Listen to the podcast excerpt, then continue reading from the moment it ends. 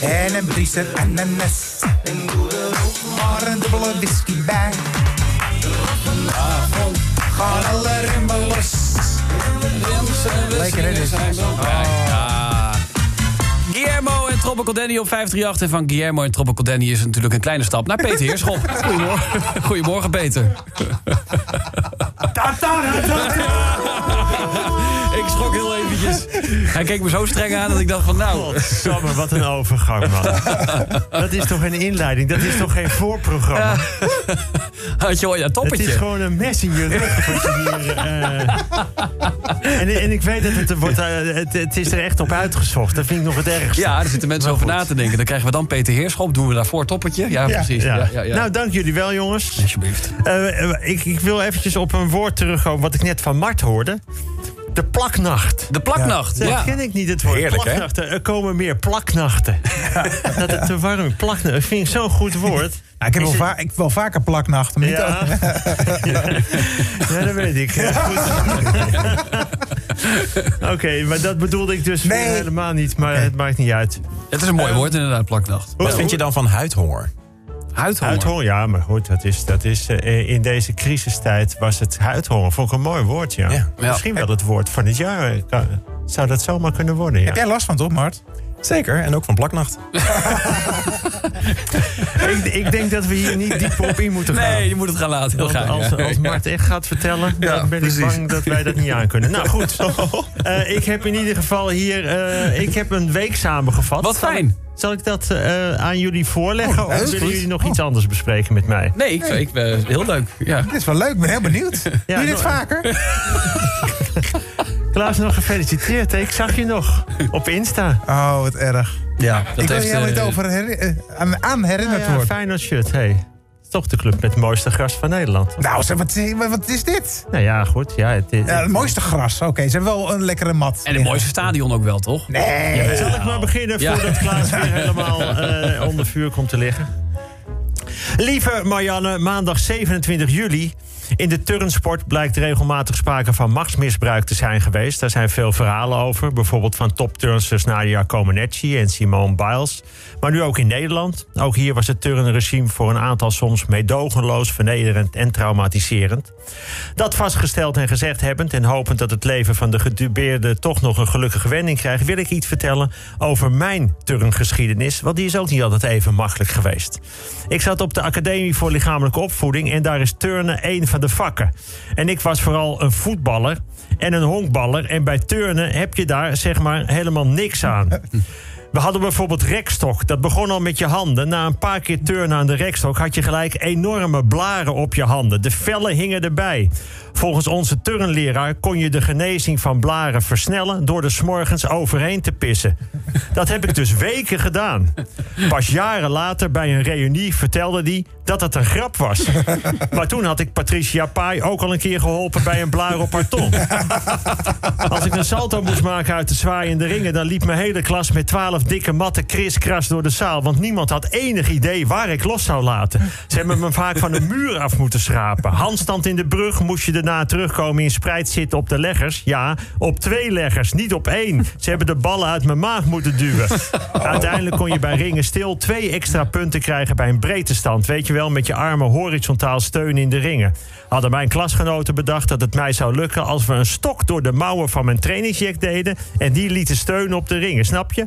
Dan hang je met je jack gewoon aan een stok. En dan die ringen hijsen en de foto en weer laten zakken. Nou, die stok lukte, het hijsen ook. Maar daarna werd mijn broek uitgetrokken en werd ik naar het plafond gehezen... en daar heb ik twee weken gehangen. Kortom, vernedering was er ook op mijn niveau. Dinsdag 28 juli. Klaas van Eerde is jarig. Vorige week gaf hij nog schoorvoeten toe dat hij al 44 was. En nu is hij dus al 45. Ja, dat gaat hard in zo'n week. Van Talpa heeft hij gezien zijn leeftijd een parkeerplaats dicht bij de ingang gekregen. Van het team hier heeft hij een regenjack van de ANWB... en nog eentje in precies dezelfde kleur gehad voor zijn vriendin. En het was jammer, want die hadden ze al. Toch zeg ik Klaas gefeliciteerd. Ik zeg Klaas gefeliciteerd.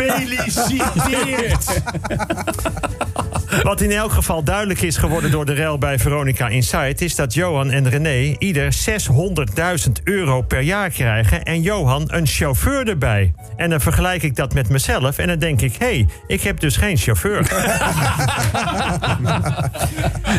in de gondels in Venetië mogen voortaan minder mensen. Heeft niks te maken met de verplichte afstand... maar het feit dat toeristen dikker en zwaarder worden. Ze kunnen, wat, wat mij betreft, natuurlijk op een gondel ook, net als in een lift zetten, maximaal 8 personen of 600 kilo. Hoewel ik nog nooit in een lift ben gestapt waar met elkaar eerst werd opgeteld hoe zwaar we waren.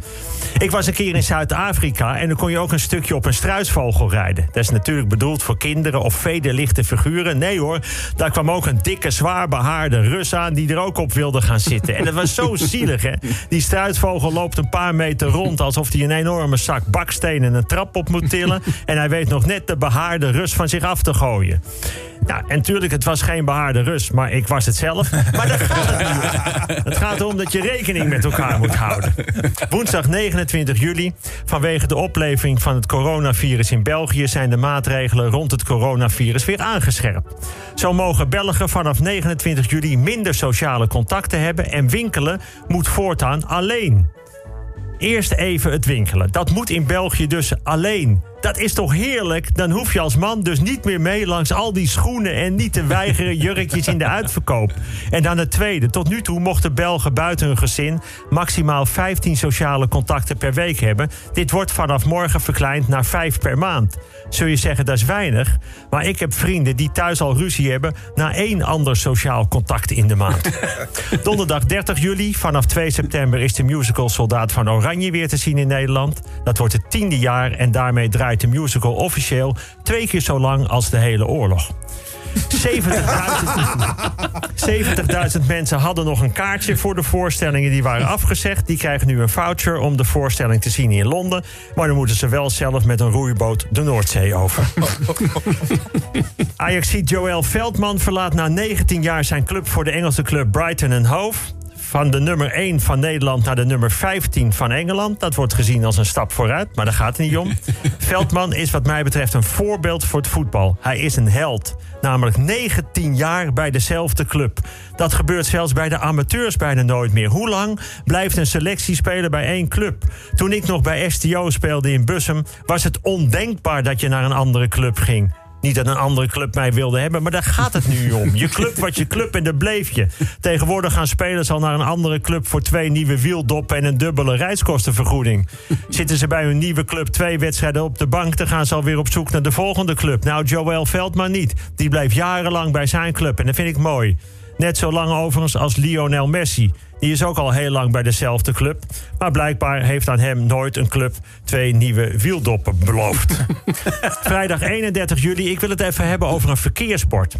Het bord, nou, daar staat, het gaat mij om het bord. Pas op, overstekende herten. Er zijn honderden, misschien duizenden van die borden in Nederland. Duizenden. En ik rij al 35 jaar auto. Ik heb nog nooit, ik herhaal, nog nooit een hert over zien steken. En ja, als ik zo'n bord zie, ga ik rustiger rijden. En pas ik extra goed op. Al meer dan 35 jaar. Maar is er ooit een hert overgestoken? Nee, er is nog nooit een hert overgestoken. Oké, en dan rij je in plaats van 80 bijvoorbeeld 70. Kun je zo'n hert dan wel ontwijken? Nou goed, hoef je niet over na te denken, want ze steken niet over. Kortom, dit is een volkomen overbodig bord. Bovendien, je moet altijd opletten. Wat bijvoorbeeld wel een belangrijk bord is, is overstekende kinderen. Of pas op, kinderen. Of pas op, voetgangers. Daar moet je extra opletten. Je moet altijd opletten, want die zijn er wel echt. Daarom een belangrijke oproep, want zo is het wel genoeg. Wil degene die is doorgereden nadat hij of zij de 14-jarige Tamar uit Marken heeft aangereden, waardoor die is overleden, zich nu zo snel mogelijk melden bij de politie. Laat de ouders niet nog meer verdriet dan ze toch al hebben. Bel nu de politie, een hulplijn, een goede vriend of vriendin, de buren. Bel desnoods mij bij 538 en vertel het. Je kunt nu nog helpen.